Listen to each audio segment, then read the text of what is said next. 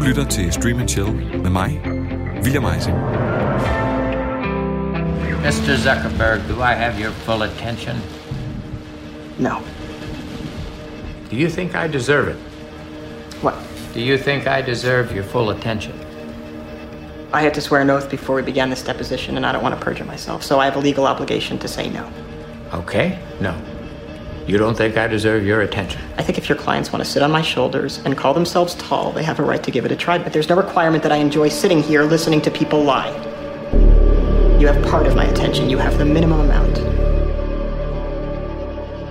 Der er absolut ingen nulevende instruktør i verden, der overgår David Finchers ry for nøjagtighed. Det er ikke blot grænser til at være, men det rent faktisk er et helt hysterisk sygeligt flueknipperi. Det er dog samtidig, hvad der gør mange af hans film helt fantastiske.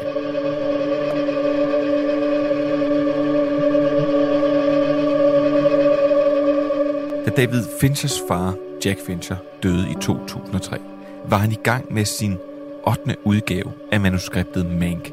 En film om Herman J. Mankiewicz, der er manusforfatter på Citizen Kane. Orson Welles film fra 1941, der ofte refereres til som værende en af verdens bedste film nogensinde. Det har været Finchers drøm at lave Mank. Ja, det har faktisk næsten været en besættelse. Han har selv sagt, at han burde have lavet Mank i stedet for Alien 3 i 1992, som var hans debutfilm. Men selvom Fincher er den slags instruktør, man umiddelbart tænker, burde kunne vælge at vrage, så har vejen til Mank, faderen Jacks arv, været lang. Meget lang.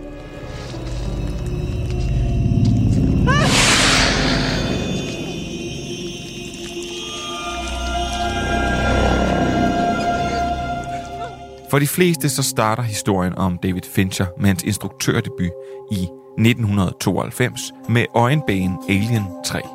Men lige med Fincher skal vi faktisk tage et lille skridt tilbage. For før han faktisk fik sin filmdebut, lavede han et hav af musikvideoer. Blandt andet den her.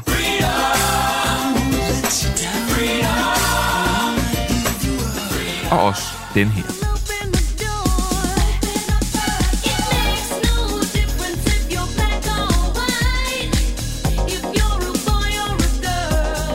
Ja, rent faktisk lavede han 53 musikvideoer på 8 år. Plus et hav af reklamer for Levi's, Nike, Cola og Pepsi. Endnu mere vigtigt, ja, så var han faktisk også kameraassistent på Return of the Jedi og Indiana Jones The Temple of Doom. Galima. Galima. Som sagt så fik Fincher sin debut med Alien 3. En film, hvor han var den tredje instruktør på projektet, og hvor filmen rent faktisk ikke havde en slutning, da han begyndte at arbejde på filmen. Og det er aldrig rigtig et godt signal. Derfor så har han også selv kritiseret den en del. Ingen hader den film mere end mig, sagde han, og sammenlignede den med at skære halsen over på sig selv i slow motion. Efter den fiasko, så vendte David Fincher tilbage til reklamer og musikvideoer. Men han fortsatte faktisk sådan lidt i det skjulte med at læse forskellige manuskripter. I 1995 kom hans gennembrud så. Seven med Brad Pitt og Morgan Freeman blev en af årets mest indtjenende film, og den er i dag et absolut must-see inden for thriller-genren. To sjove detaljer ved Seven.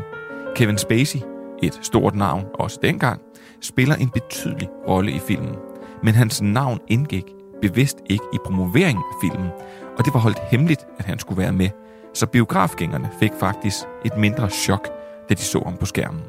Filmen kunne også nemt have fået en anden slutning med en, lad os sige, mindre selvsikker instruktør.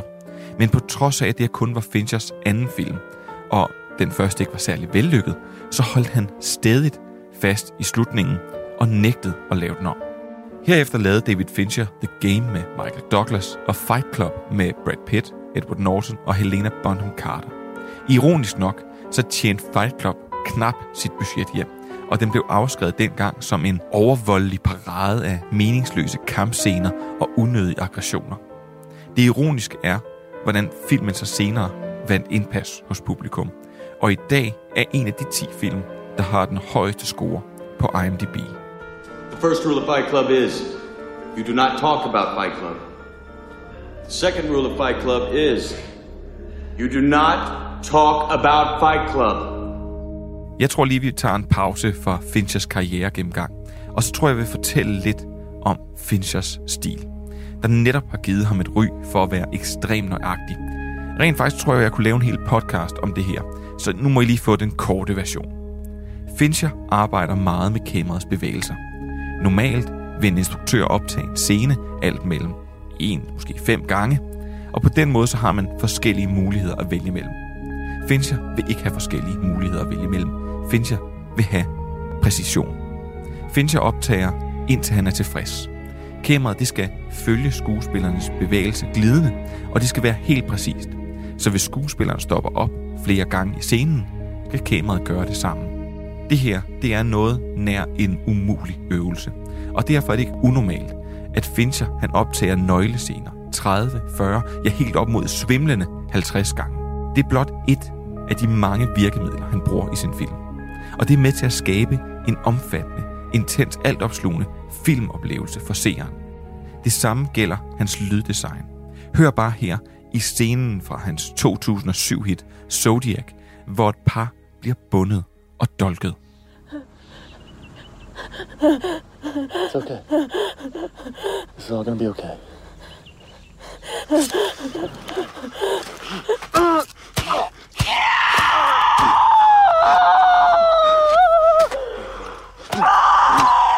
Fincher han skød den her scene igen og igen og igen. Og til sidst var skuespiller inde i scenen efter sine så panisk, at hendes skrig og gråd var virkelige.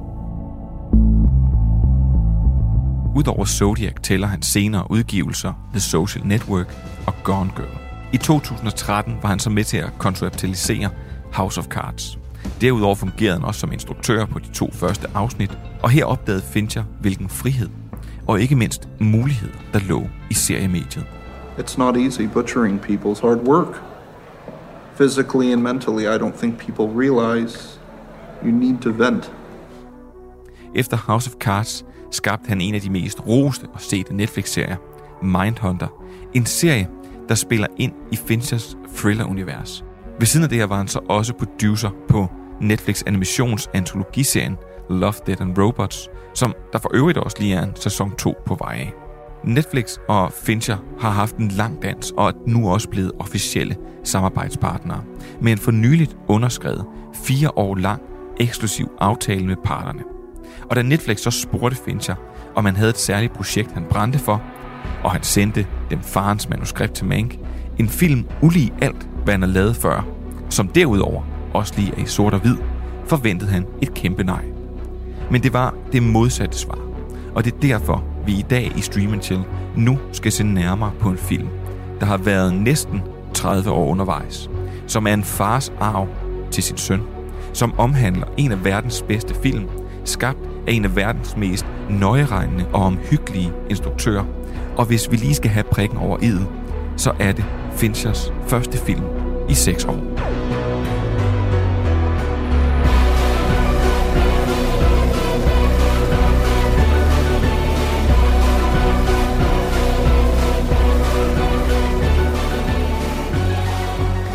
Og med den intro, ja, så øh, velkommen til Stream and Chill.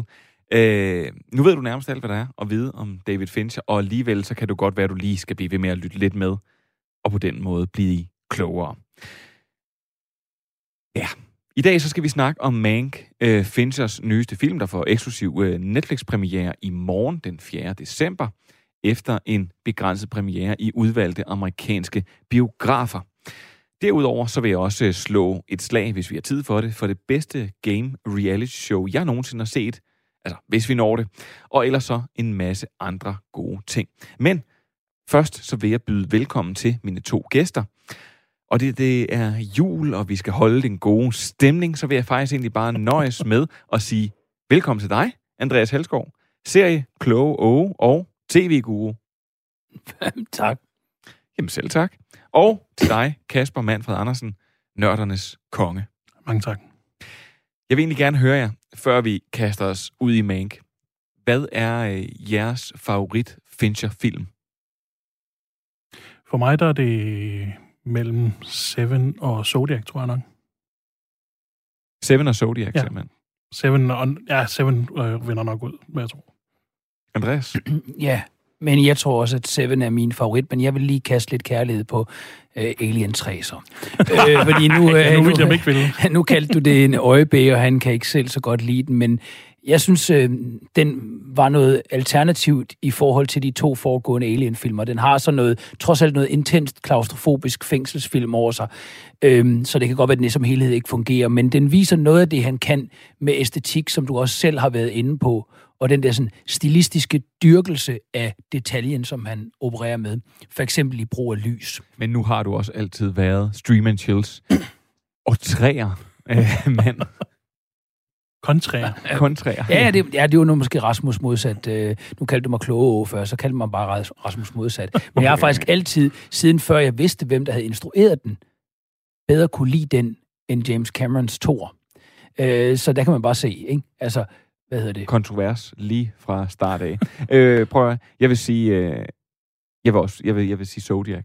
Jeg tænkte godt og grundigt over det, og så var det egentlig det, jeg kom frem til. Ja, scenen, du afspiller der, den er jo dybt ubehagelig. Altså også at se på, selvom der er ikke noget, der er ikke særlig meget blod, der er ikke så meget Der er seng, ingen men den blod, er, den er bare... vildt ubehagelig at se på. Og det er det, Fincher kan. Lave vildt ubehagelige film. Mon Mank også Ja. bliver vildt ubehagelig. Det synes, Måske jeg, vi ikke skal finde, måde. det synes jeg, vi skal Ikke finde ud af måde, nu.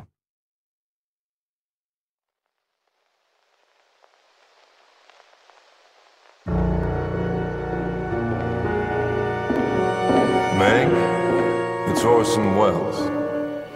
Of course it is. I think it's time we talked. Ready and willing to hunt a great white whale? Just call me Ahab. Tell the story you know. I hear you're hunting dangerous game. This is different. This is about something. I've put up with your suicidal drinking, your compulsive gambling, your silly platonic affairs. I gave you a second chance. How wealth and influence can crush a man. Are you hoping I might absolve you of such a personal betrayal? You made yourself court jester. Nobody, but nobody makes a monkey out of William Randolph Hearst. You pick a fight with Willie. You are finished. Mank. Mr. Mankowitz.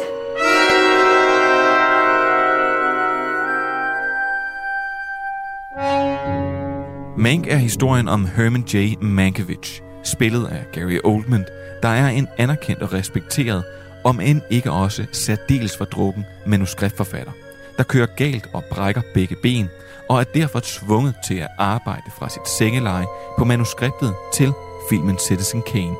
Men det er ikke uproblematisk at arbejde for den karismatiske Orson Welles. Mank er skrevet af Jack Fincher, der døde i 2003, og instrueret af hans søn David Fincher.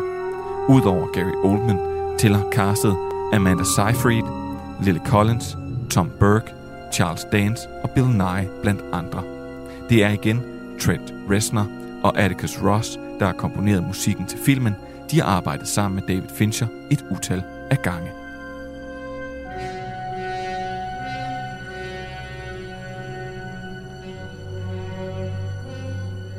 Så har vi vist fået øh, slået rigtig godt og grundigt fast, at Mank er en film, der har været rigtig, rigtig lang tid undervejs. Det har været et, nogen kalder det et passionsprojekt. Jeg vil nok være helt ærlig at sige, det har været en besættelse for David Fincher at lave den her. Og derfor så vil jeg spørge, hvad er jeres... Øh... Lad mig spørge på en anden måde. Kan man mærke, at det har været en besættelse? Ja, det er sagt med en ord, ja. Øh, det virker, altså som du sagde, der er otte drafts af det her, måske mere. De har nok også lavet nogle ændringer, når de gik i gang med at filme det. Og det bliver ret tydeligt, fordi pacingen er meget rodet. Jeg kan godt se, hvad de vil med den, men man bliver sat meget af i første halvdel af filmen, synes jeg. Ja, man kan sagtens se, at øh, der er brugt masser af energi, og det har været et lidenskabsprojekt, som du selv er inde på. Men altså, jeg har det ikke grundlæggende problem med denne her film, som jeg i øvrigt også lidt har med Citizen Kane, jeg selv har undervist i i filmhistorie, at det er jo sådan en film, man ligesom på forhånd næsten har fået at vide, man skal elske. Men ligesom Citizen Kane for mig absolut ikke er den bedste film af Orson Welles. Øh, jeg kan bedre lide både Touch of Evil og, og Magnificent Ambersons, øh, og så kan jeg egentlig også bedre lide Den tredje mand, selvom det ikke er en Orson Welles film. Så at det her rimelig langt væk fra at være en David Fincher-favorit for mig. Jeg synes, han er fantastisk til stil, og jeg synes, du præsenterer det meget fornemt. Men helt grundlæggende, så synes jeg, at han er dygtigst, når det er elementært spændende, det han har med at gøre. Og for mig føles det her som en stiløvelse. Min øh, gamle dansklærer, han sagde altid, skummer, bliv ved din læst.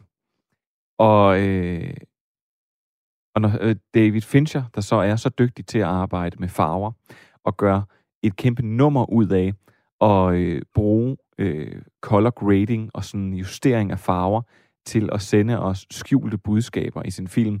Øh, tydeligst måske i Gone Girl, hvor Ben Affleck, han skiller sig ud for hele billedet i en blå, almindelig skjorte, og hvor det sådan fortæller os, at ham her er der altså noget ulden vel. Når en mand er så dygtig til det, og når en mand øh, selv er med ude at vælge props og øh, udsmykning af kulisser, laver en udvasket, grynet, sort-hvid film, fordi at det er simpelthen farens projekt, så er, så Også er det, det... han bevæger sig væk fra thriller-universet. Ja, det er sådan, en, sådan øh, halvbiografisk film, øh, selvbiografisk film om Mankiewicz. Øh, det er sådan, jeg, jeg føler ikke, der er så meget af det, jeg går til Fincher for, det er ikke rigtigt til stede i den her film.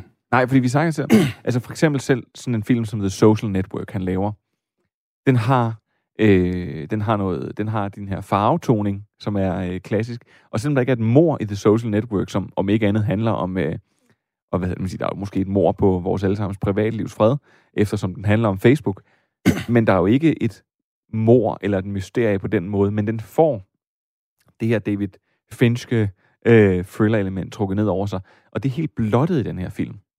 Samtidig så synes jeg også, at Mank bliver ekstremt svær at følge med i. Ja, ja, og på den måde så spejler den vel øh, i og for sig lidt Citizen Kane. Altså, den leger jo lidt med undervejs at øh, operere med sådan, den hopper lidt i tid og rum, og øh, vi har, som Manfred har været inde på, en lidt langsom, skulle vi sige sådan, rolig, øh, hvis ikke ligefrem tre, fremadskridende handling. Så det er rigtigt nok, den er måske sådan komplekst sat sammen. Den er heller ikke så elementært spændende som andre af hans film.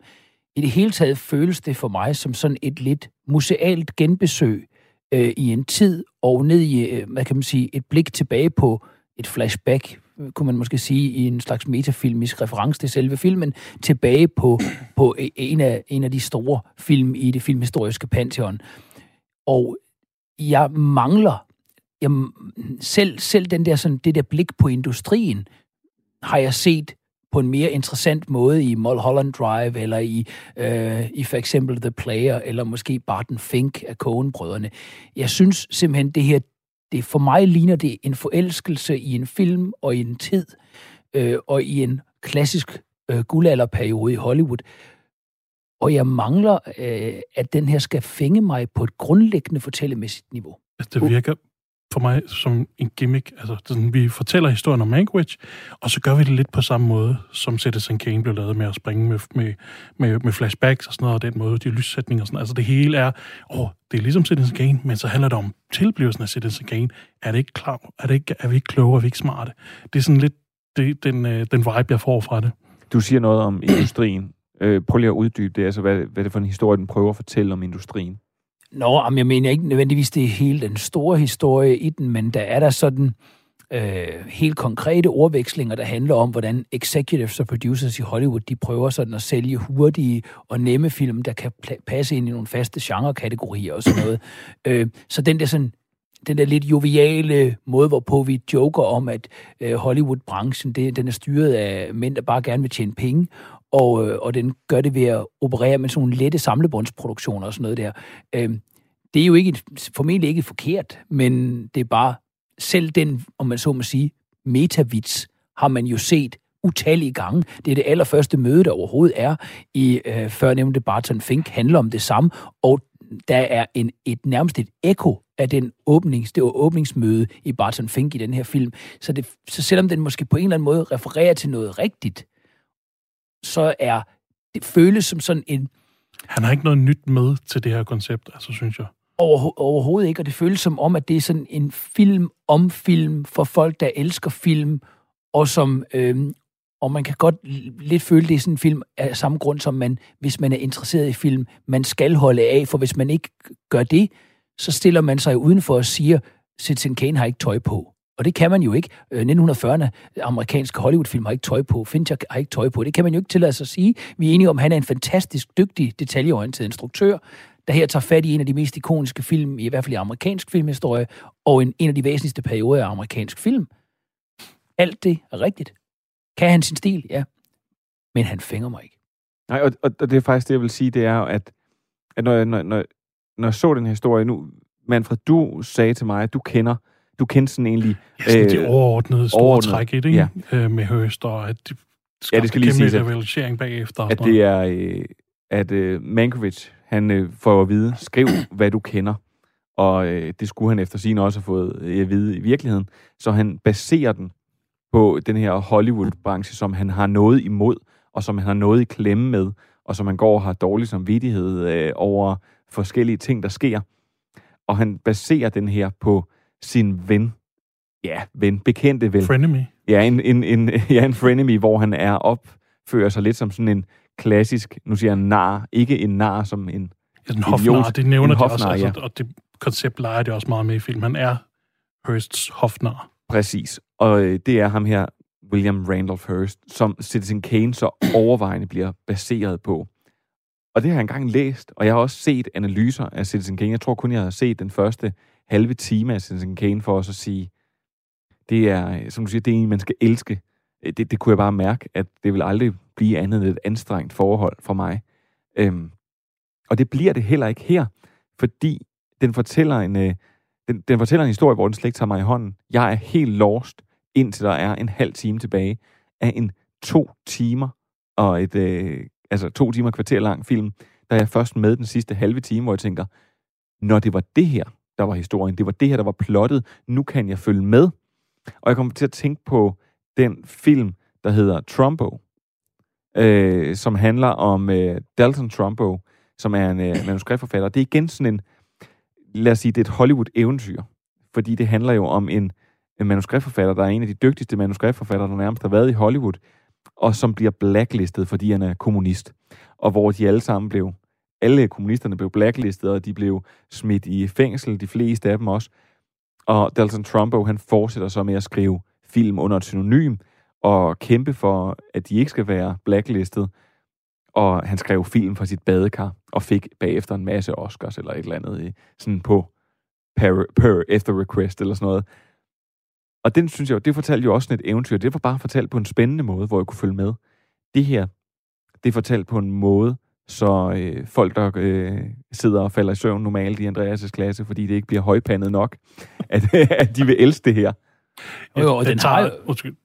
Jeg vil bare sige, den har jo faktisk... Et, der er jo ekoer af Hurek-høringerne, også i denne her film, så den, den, den berører jo let det der, som... Ja, Hugh, det må du lige uddybe. Hurek-høringerne, altså hele det her under McCarthyismen med, at... at øh, The Red Scare, ja, hvor det var sådan nogle hexetrials, hvor de sådan, oh, han har vist sagt et eller andet, der var lidt kommunistisk ham skal vi blackliste. Så det der med i, i hele den amerikanske filmindustri, det hele taget kulturindustrien, der skulle man ligesom angive sine venner, hvis man vil undgå selv eventuelt at blive affilieret med Kommunistpartiet. Og blev man an, an, hvad kan man sige, affilieret med Kommunistpartiet, så så var man blacklistet. Det var jo det, der gjorde, at i 1990'erne, da Ilya Kazan, instruktøren, en Ilya Kazan, øh, ham der har lavet On the Waterfront, han fik sin æresoskar, så øh, var der mange, der i trods valgte at sidde ned og ikke rejse sig og klappede, men sad så sur ud med korslagte arme, fordi han var en af dem, der, der havde angivet 11 af dem i industrien industrien, for selv at undgå at, at, at blive øh, angivet som kommunist. Så det var jo sådan noget, hvad kan man sige, det ligger også som et lille element, der bliver antydet i den her film. Ikke? Det er ikke nær, nær så meget som i Trumbo, overhovedet slet, slet ikke. Men det er rigtigt, den har det der interessante periodeskildring, og jeg har det med den fuldstændig som Citizen Kane. Øh, forstået på dem, ej, Citizen Kane er en bedre film, men Citizen Kane, der er ingen tvivl om, den har været historisk væsentlig den var helt vildt nyskabende i forhold til at lave noget, der lignede newsreel footage. Den var helt vildt nyskabende i forhold til at bruge dybdekompositioner, til at bruge lys og sådan noget. Og den her har jo også fantastiske, flotte sådan patienteskud, hvor, hvor farverne sådan falder ned over som trammer og sådan noget. Virkelig, virkelig flotte kamerabevægelser, som passer til det, du sagde i introduktionen. Men hvad gør det, når man ikke rives med? Og især når man kommer tilbage med moderne øjne og kigger, jamen de her metoder, som var første gang, man så dem i Citizen Kane, jamen dem har vi set til uendelighed i alle andre Hollywood-film. Det er blevet, blevet en del af det æstetiske udtryksbillede i Hollywood nu. Øh, så der er, ikke, der er ikke noget sådan unikt ved at gå tilbage og se Citizen Kane. Det er sådan, jamen okay, den har noget udtryk, som man måske kunne kende, genkende fra i dag, selvom den er fra 40'erne. Og det, det der er mit, øh, jeg tror, det er det, der bliver hele min anke i det her, det er, at han har været så forhippet på at lave det her projekt her, der har stået og mm. samlet støv. Jeg læste et interview med ham øh, til New York Times, der har fået lov til at følge ham i en del år, og hvor han siger, øh, hvor at, det, det slutter med, at ham her, journalisten, han spørger ham, om er der så andre projekter nu, du gerne vil være, vil lave? Og så han peget op på den hylde, hvor et manuset i sine, jeg ved ikke hvor mange udgaver har stået, og som har været tom, og siger han, altså, nu er der ikke noget, der samler støv på hylden. Og det har været hans, øh, nu, øh, det, det siger han jo også, øh, altså, are you ready? Then call me Ahab. Altså, det har virkelig været hans hvideval, ja. det her. Han har jagtet, og det har... Det, jeg synes, det, det gennemsyrer hele filmen, at han har været så forhippet på at lave den. Han har været så forhippet på, at den skal ligne Citizen Kane. Han er så forhippet på, at den skal ligne den her stil her. Og jeg tror, jeg tror ikke, jeg kan erindre en så stor instruktør, der er gået på kompromis med alt, hvad han står for, og alt, hvad han er dygtig til, for at lave noget, som, skulle sige, er, hylder en, en mand, der er død. Ja. ja, så klogt som det er sagt. Er der nogen øh, frygtelige afsluttende bemærkninger på falderæbet? Altså, Gary Oldman, jeg, jeg var stadigvæk, selvom ja. det lyder som om vi sabler ned, jeg var stadigvæk underholdt af filmen, vil jeg sige, og især når man kommer over halvvejs. Men jeg tror, det er meget Gary Oldmans skyld, øh, fordi jeg synes bare, Gary Oldman, han er altid interessant at kigge på. Han er altid god i det, han laver. Næsten lige meget, hvad fanden det er. Ja, han er... Øh... Og hvis man er mindre optaget af fortællemæssig fremdrift, end man er... Nå, men det kan jo lyde utroligt dårligt. Okay, men sig hvis det, man sig er det på, mere sig det på en mere sådan... Okay, hvis man er mere optaget af det æstetiske, end man er af det plotmæssige, så, så er det jo en altså, helt unægteligt flot film. Altså, så det er ligesom sådan, inden vi får... Øh, jeg har selv været med til at lægge den meget hårdt i graven her, men altså, der er jo ikke nogen tvivl om, at det er meget smukt. Du kunne formentlig framegrab dig igennem den her, billede, den her film og lave det ene øh, smukke kunstfotografi efter det andet. Det Andreas han prøver at sige, nu oversætter det lige, så alle kan forstå. Hvis du er mere til Drive, end du er til Die Hard. Fair enough. Okay. Ja, jeg kan jo godt lide både Drive og Die Hard. Det kan jeg faktisk også godt. Øh, prøv at høre, det var fordi, de skulle, de skulle begge to have noget med det. Øh, jeg vil sige, øh, udover øh, Gary Oldman, øh, den verdens sværeste rolle at caste, det må være Orson Welles. Hvis man ikke kan genopleve Orson Welles, som ringer til Mank og siger, Hello, Mank. It is Orson. øh, jeg vil bare sige, at Tom Burke, han spiller den rolle, og det gør han øh, faktisk ret, ret godt. Ja, det er, meget, det er en meget lille birolle. Altså, det er sådan, kun lige, jeg tror, han har tre scener eller sådan noget i hele filmen. Ja, men hver gang han kommer med, så, så er han Altså, så spiller han op mod ja. Gary Oldman. Alle de andre forsvinder bare. Der var to, ja. jeg på et tidspunkt forvekslede med hinanden, fordi det bare er lavet som øh, grey suits. Ja. Jeg synes, vi skal komme til der, hvor vi finder ud af, hvem der vil blive... Vi har allerede berørt det lidt. Hvem der bliver rigtig glad for den her. Det her er Radio 4, og du lytter til Stream Chill, programmet, der giver dig det nyeste inden for tv- og serieverdenen.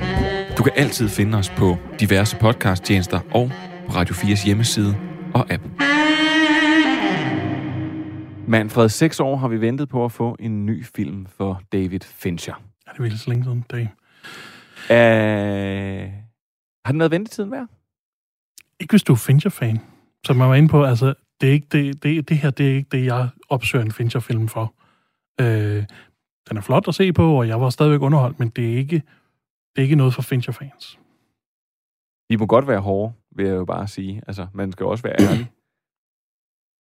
Ja, hvis man vil have et øh, studie af 1940'ernes eller 50'ernes æstetik, som øh, formår at gøre andet end at ligne en stiløvelse, så skal man se øh, The Man Who Wasn't There øh, af Kornbrødrene og ikke Mank. Mank skal man se, hvis man føler, man er øh, David Fincher-kompletist, eller hvis man øh, har sådan en, en filmhistorisk, sådan, jeg rører mig lidt på næsen, øh, og kan godt lide de ikoniske mesterværker-agtige tilgang til film. Så vil jeg sige det på en anden måde. Jeg har jo kun set en halv, øh, halv time af Citizen Kane. Hvis man ikke orker at se Citizen Kane, men man gerne vil se et øh, pølsemands Citizen Kane, eller at man for eksempel er til film, hvor at øh, fremdriften er minimal, plottet det er underordnet, men at man bare vil lave noget for at ære sin afdøde fars 8. draft af en historie, der måske nok aldrig er blevet burde fortalt, så skal man sætte sig ned, og så skal man til Mank. Jeg, jeg, synes, jeg at... tror, jeg vil anbefale folk at læse en artikel eller en, et eller andet om baggrundshistorien for Citizen Kane, i stedet for at se den her. For den handler ikke specielt meget om, hvordan Citizen Kane blev til. Nej, det gør den først i den. Den handler om, altså det er the why. Mm. Det er hvorfor. At, det er ikke, hvordan den bliver til, men det er, hvorfor bliver den skrevet. Hvorfor kommer historien af det her.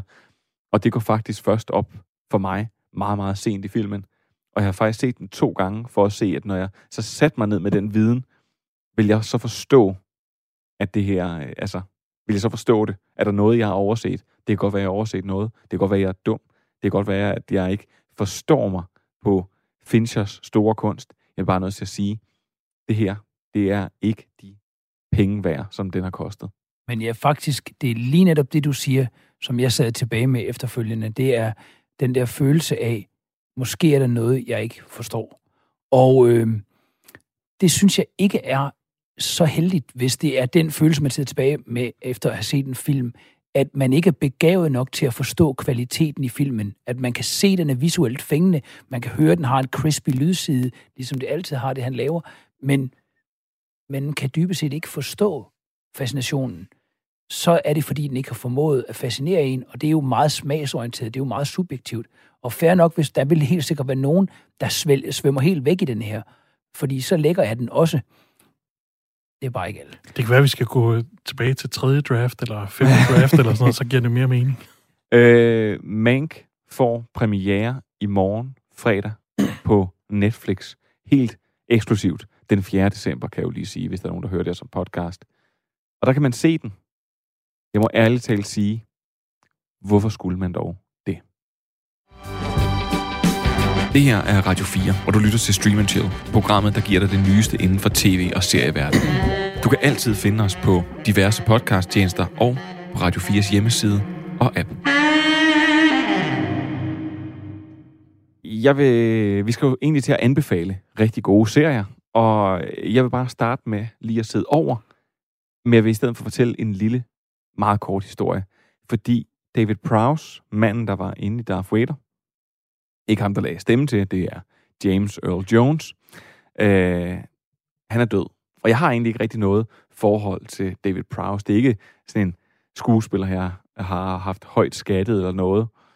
Og øh, han var vist, som jeg har kunne læse mig til, lidt af en karakter. Men for nogle år siden, så får jeg fortalt historien om David Prowse og Star Wars. Og den vil jeg egentlig bare lige dele nu, i anledning af, at han er gået bort 85 år gammel.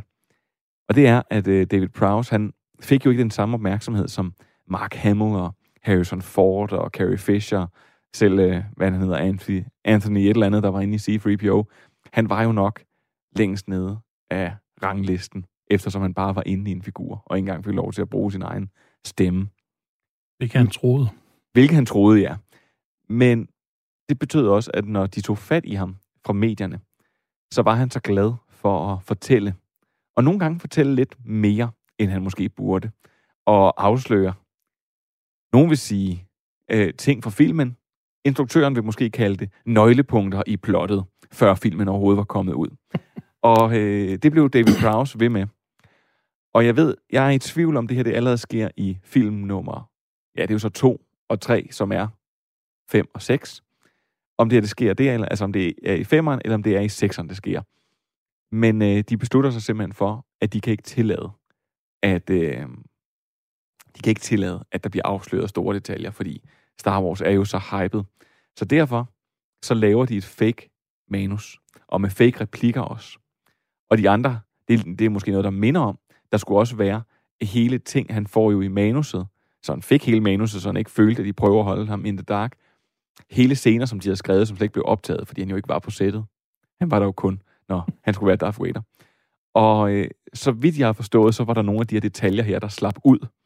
Altså, at han fortalte, Nå, jamen så øh, sker der det, at øh, Han Solo får en tredje arm, eller sådan et eller andet.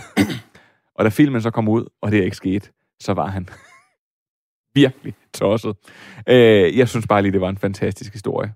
Og, øh, og, og, og så må der jo komme en anbefaling, hvis der er tid til det. Jeg synes, i stedet for, at vi skal have lov til at starte med dig, Andreas. Ja, men det var fordi, at jeg, jeg tænkte på, okay, nu startede jeg en sætning med det, fordi det, eller jeg sige, det kan man jo for helvede ikke. Men jeg vil sige, min anbefaling skyldes øh, faktisk netop Mank. Jeg tænkte sådan, der er en serie, som dyrker en lækker sort-hvid fotografering, ikke fra start til slut, men i udvalgte scener og sekvenser, og som faktisk helt tydeligt lægger sig oven på øh, klassiske film fra 40'erne, 50'erne og 60'erne, øh, og som jeg synes gør det på en uhyre vellykket måde. Det er nemlig Better Call Saul, den spin-off-serie, som øh, Vince Gilligan og Peter Gould skabte i, øh, i fællesskab. Selvfølgelig er det en spin-off, hvis folk ikke ved det, så er det en spin-off fra Breaking Bad, hvor man tager udgangspunkt i den karakter, der blev introduceret i episoden af samme navn, Saul Goodman, eller den hedder hvis det er et Better Call Saul, den episode, men Saul Goodman, som jo altså er et alias for en advokat, der i virkeligheden hedder Jimmy McGill, og i Better Call Saul, der følger vi så ham. Hvad hedder det? Den serie, synes jeg, er helt forrygende, og øh, vi nu bevæger os derhen i den serie, hvor de første to sæsoner handler om forholdet mellem Jimmy McGill og hans bror Chuck, og måske er lidt vel langmodig, lidt for langsom i sin pacing, lidt for stenet måske for de fleste, kunne jeg forestille mig, så bliver den langsomt, men sikkert i takt med faktisk også, at stilen imellem Breaking Bad og Better Call Saul, de begynder langsomt at blandes, så bliver den også øh, mere og mere fængende på et grundlæggende plan, og Måske lidt ligesom i anden halvdel af, af Mank. Man skal lige igennem et par sæsoner, og efterhånden er den blevet bedre, synes jeg, end den moderserie, som de fleste vil efterhånden anerkender som en af de væsentlige, der er kommet i, i de seneste 10. Øh, ja, det ved jeg godt, den kom fra 8, men altså, ja, wow. Det, det, det er sjovt, du siger det, fordi jeg, jeg fik jo også at vide, altså jeg elskede også Breaking Bad, og jeg tror endda, jeg har været igennem to gange. Øh, en gang øh, alene, og så en gang sammen med min øh, kone. Og det var jo vildt fantastisk at sætte den her serie på. Og jeg tror, hun var sådan... Altså, da hun fandt ud af, hvor mange afsnit der var. Hun var fuldstændig dark om, hvad Breaking Bad handlede om. Og da hun så, hvor mange afsnit der var, og hvor lange afsnittene var, hvor hun sådan, prøv at høre, altså du kan godt sætte det på, kommer ikke til at se det færdigt. Færre nok. Og vi begyndte at se, og øh, lige pludselig, så, altså så sidder hun jo fuld fuldstændig opslugt af det. Mm. Og vi, vi begyndte faktisk at se Breaking Bad sammen, øh, fordi vi så Ozark, og den bed også rigtig godt på hende, skulle jeg sige, fordi den jo netop også har det her mærkelige øh, karakterudviskende, at du, en, at du lærer en person at kende til at starte med, som har svært ved at begå kriminalitet, som øh, skulle jeg sige, laver øh, crystal meth for, øh, for, for sin families velbefindende. Men lige pludselig, så du, fordi du får det så langsomt ind, så er det ikke bare en, en, så er det ikke bare en psykopat, skulle jeg til at sige. Så er han øh, manden, der lige pludselig sætter tonen i det kriminelle miljø. Han er, øh, han er blevet, han er blevet, øh, han har sin skabertrang til at lave det her. Han er, øh, han er sådan, han er faktisk lige pludselig udviklet sig til det, øh, uden at man har forstået det, at han faktisk nærmest er den onde i serien. Mm. Og, og det sker der jo også lidt i Ozark, at de også tager på den her rejse, hvor det først er nød, men hvor det lige pludselig bliver, altså, hvor, hvor de gør dybt amoralske ting, men man, er, man har vendet sig til det. Så det er ikke, det er ikke slemt, det de gør. Det er ikke Små slemt. skridt, ikke? Ja. Og, det er jo det, der er, men det er en af de bedste karakter-arcs på tv, eller ny, i nyere tid, vil jeg sige. Og det er netop det, jeg så vil frem til i min lange ark, som jeg har brugt her. det var, at da jeg satte mig ned og så Better Call Saul, der kom jeg. Øhm, der, der havde vi lige set, var i gang med at gense øhm, Breaking Bad. Så jeg kom faktisk for et Breaking Bad high. Og der fik jeg da godt nok en spand iskold vand i hovedet. Netop som du siger, i de første sæsoner. Man skal give den en chance, og det, skal, hvad det, det ironiske er, at det er jo Vince Gilligan, der skaber Breaking Bad, og så kommer Peter Gould ind over og bliver en af hovedforfatterne på den, men det er Gilligans serie. Og den har det her sådan lidt William Friedkin, French Connection-inspireret håndholdte kamera, og så en masse andre fede ting. Point of view-skud, der kommer ind fra alle mulige tørretumbler og alle mulige mærkelige steder. Og sådan noget. Men i starten, da de så Gould og Gilligan sammen etableret. De havde allerede sådan joket med det. Skal vi lave sådan en half half hour show, der hedder The, The Saul Goodman Show og sådan noget. Det, det jokede de allerede med, mens Breaking Bad var i gang. Øh, det kunne være sådan en lille komedieserie, hvert afsnit 30 minutter og sådan noget. Øh, men da så de starter Better Call Saul, så bliver de enige om, at det handler om, at de sådan visuelt og lydligt skal distancere sig fra Breaking Bad. Og det er derfor, tror jeg, at den er meget mere statisk. Den har konkret meget mere statisk kamera. Den har jo sort-hvid og meget starten. Øh, pacingen, for at bruge Manfreds ord for tidligere, er meget langsommere og sådan noget. Og det ironiske er, at det er faktisk først, da Gilligan forlader serien i tredje sæson, og Gould han overtager som den ene showrunner på serien, og bliver den eneste showrunner, at, hvad hedder det, at serien den begynder at tage for alvor fart, og vi skrider væk fra, at det handler om Jimmy og broren Chuck, til at det handler om Jimmy og Kim, der alt andet lige, uanset uanfægtet, hvor fantastisk interessant Walter White var, så var Walter White og Skyler et problematisk par. Skyler var måske ikke interessant nok som karakter, synes jeg. Der er Kim Wexler langt mere interessant, og den, mm, den, den dynamik, der er imellem de to, er meget federe. Og så er der også noget visuelt mere og mere og mere interessant i den. De havde lavet sådan det, man kaldte en lookbook, dengang de skulle skabe Better Call Saul, hvor de ligesom havde givet Arthur Albert, som er ham, der er filmfotograf på dele af den, de har givet ham billeder fra Il Conformista, en italiensk film, øh, Bertolucci, de har givet ham billeder fra øh, alle mulige andre ting, sådan noget som Osus film Tokyo Story, men også sådan noget som Lawrence of Arabia for eksempel, som de fleste nok kender, og Psycho og sådan noget. Og ud fra den lookbook, så har de så konstrueret den. Og når man ved det, og så går ind og ser Bagman-episoden i Better Call Saul, der foregår stort set kun i en, i, i en ørken, så tænkte jeg, shit, det er jo Lawrence of Arabia. altså, den er sindssygt flot, synes jeg. Og det er nemlig et eksempel på noget af det, jeg synes, Gilligan kan noget af det inden for tv, som Fincher kan bevares måske på et større lærred. Men han kan dyrke æstetik og stil fuldstændig forrygende. Men hvis du trækker den fundamentale spænding ud, og den har meget med karakter og fremdrift at gøre, så er det ikke interessant. Og det er så der, hvor jeg vil sige, at, at jeg satte mig ned og så... Øh, jeg, jeg, jeg har lige været faktisk for ikke så lang tid siden, for der var en kollega, der hører Breaking Bad podcast stadigvæk, og, øh, og, og stadigvæk ser afsnitten, og stadigvæk synes, at det er helt fantastisk. Og Breaking Bad er stadigvæk også helt fantastisk. Og så, så blev jeg, begyndte jeg alligevel at lune lidt op til øh, Better Call Saul og tænkte, måske skulle jeg faktisk øh, bare øh, koldstarten, for jeg tror, at jeg gik død øh, lige da sæson 3 kom.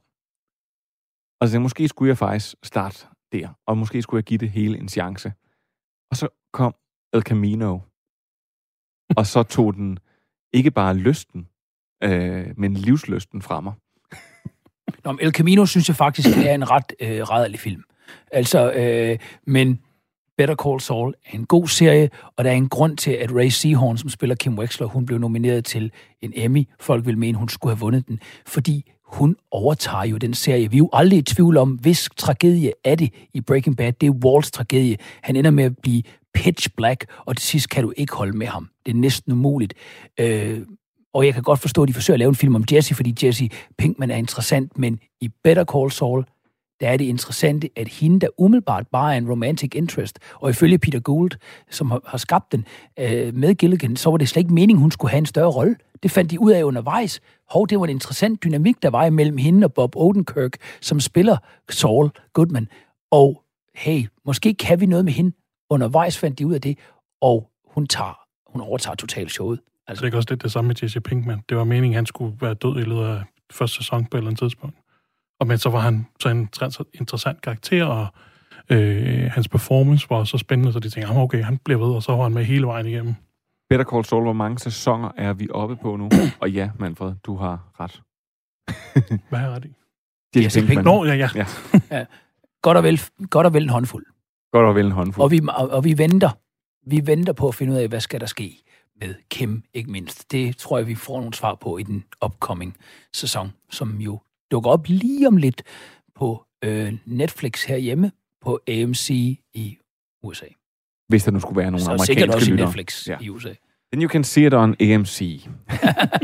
øh, fantastisk. Better Call Saul. Ved du hvad, jeg tror faktisk, måske, at det, her, det kan betyde, at jeg sætter mig ned og ser lidt.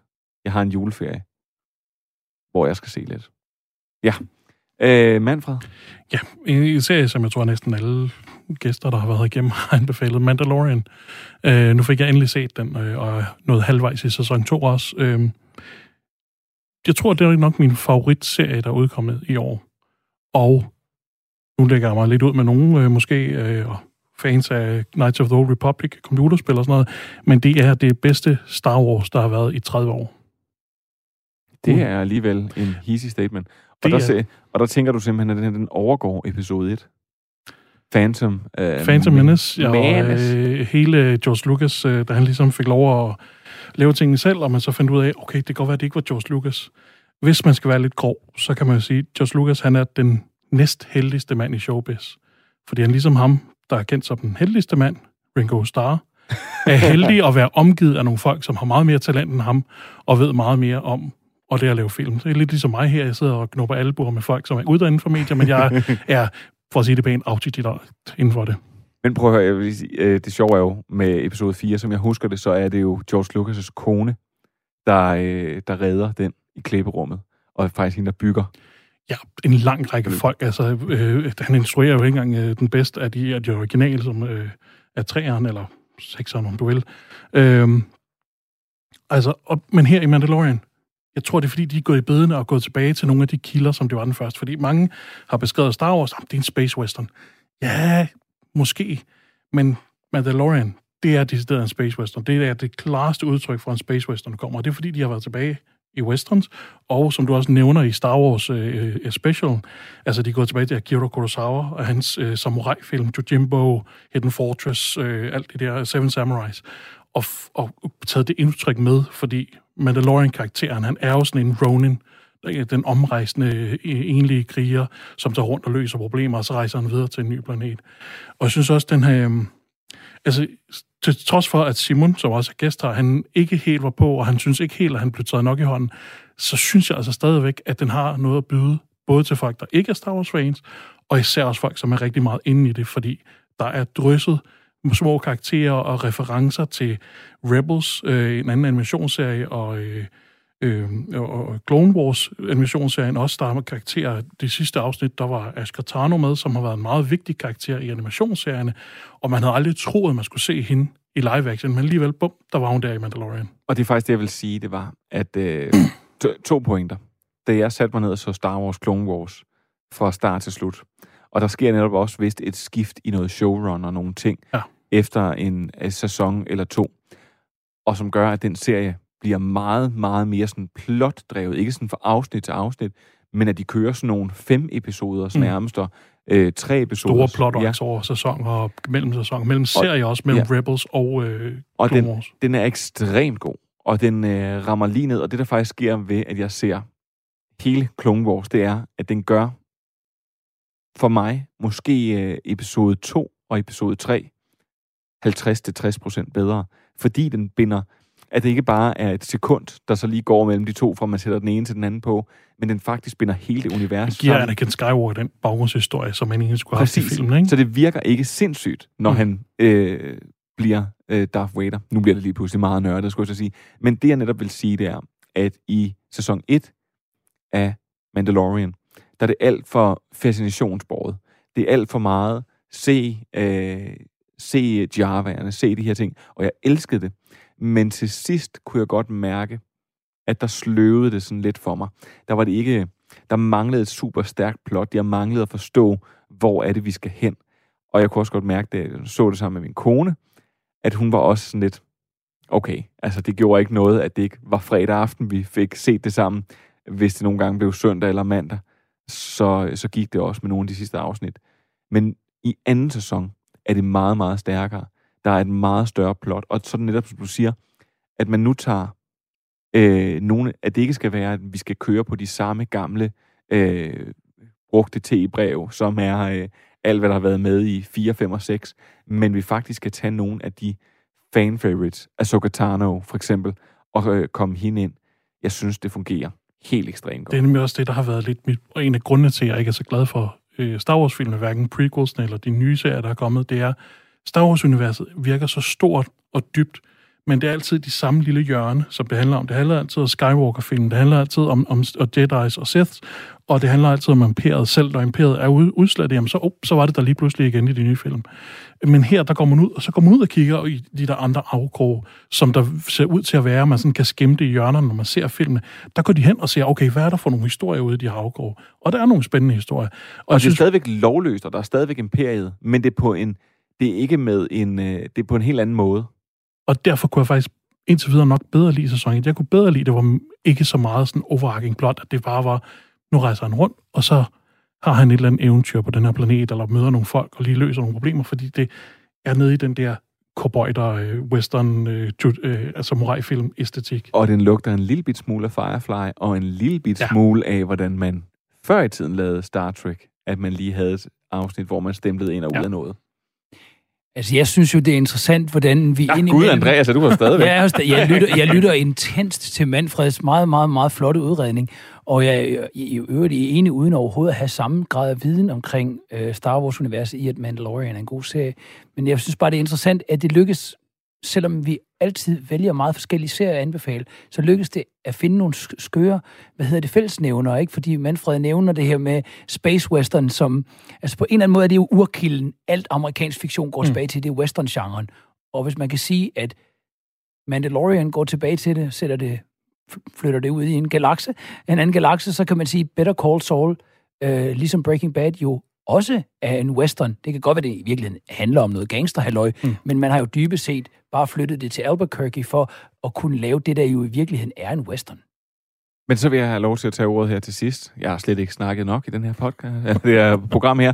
Øh, og så sige min anbefaling. Vi når ikke at smide nogen ting under bussen i dag. Øh, men jeg har snakket om den tidligere, og jeg bliver nødt til at snakke om det igen. Lego Masters of Australia, der ligger på TV2 Play, er det bedste konkurrence reality-tv, jeg nogensinde har set. Det starter med et, det er jo sæson 2, det starter med et åbningsafsnit på halvanden time. Øh, og jeg har set det sammen med min kone, og vi har slugt hvert et afsnit. Det stikker helt af. Og det gør det af flere grunde. Et, til at starte med, så synes man ham verden, han er super irriterende og laver corny, irriterende dad jokes. Men så finder man ud af, at det faktisk er sådan, han er. Han er oprigtig. Han er ikke ligeglad med deltagerne. Han, det, det ikke, det, han er der ikke bare. De bonder med deltagerne jo netop fordi, at de her, når de skal bygge med Lego, så er det 12 og 15 timer, de skal stå og bygge med det her Lego. Derudover, så når jeg, øh, når jeg en gang imellem har kigget over skulderen og set min kone se bagedysten, og ikke fattet det program, og synes, det har været dybt ligegyldigt, fordi om kagen den er vild eller den ikke er vild, det kan jeg ikke se. Lego, det kan jeg forstå. Og jeg kan forstå, når der er nogen, der bygger noget, der er fucking vildt i Lego. Det er jeg vild med. Og derudover, så er der en dommer med, som de få gange, hvor han skal smide deltagere ud, så, så, så er han nærmest ved at bryde sammen. Og hans stemme knækker, og der kommer øh, vand i øjnene. Det synes jeg simpelthen er... Jeg ved godt, det er reality-tv. Det er simpelthen sindssygt stærkt. Og jeg har aldrig taget mig selv i at, sådan at sidde og hæppe vidderligt på nogen øh, i sådan et reality-program, og synes, det var mega fedt. Det kommer til Danmark. Jeg frygter lidt, hvad der sker. Jeg, jeg tror, jeg skal prøve at fedte mig ind hos TV2. Det og lyder ned- meget som om, at det er de rigtige værter og sådan noget, de også har fundet til det. Det er det helt rigtigt, og jeg vil bare sige, for at det ligesom skal være seriøst, ham der er dommeren, der hedder Brickman, han er en af 14 eller 16 certificerede Lego-byggere i verden, og han er, øh, han er med til at designe Lego, og med til at bygge et Legoland. Altså det, de har rent faktisk fundet, jeg troede bare, det var en, de havde opfundet. Det er the real deal. Se det. Jeg mener det virkelig. Og alle, jeg har præsenteret det for, deres weekender er forsvundet. Fordi så de sidder og ser Lego Masters. Hele sæsonen ligger på TV2 Play. Og øh, med det, så vil jeg egentlig bare sige tusind tak til dig, Andreas, fordi du vil komme og anbefale Better Call Saul. Jeg har faktisk fået lyst til at se den. Og øh, Manfred, tusind tak for at komme og anbefale The Mandalorian. Endnu en gang. Ja, endnu en gang. Øh, prøv at høre. Man skal huske, at man altid kan finde Stream Chill på Radio 4's app og hjemmeside, og på alle podcasttjenesterne, Google, Apple, Podimo, Spotify og hvad der ellers er, og hos vores venner fra Vi Elsker Serier. Og når man så er inde og lytter til en podcast, så kan man jo lige give, øh, stikke os en fed anmeldelse, lidt eller den her, hvor der er en, der skriver, tak for et godt program. Jeg er desuden glad for anbefalingerne, og at det ikke behøver at være aktuelle serier. Det har fået mig til at se flere gode serier, som i første omgang havde overset. Og nu er der ikke så meget andet end at give de sidste ord til Jean-Luc Picard. You know, back when I was in the academy, we would follow every toast with a song.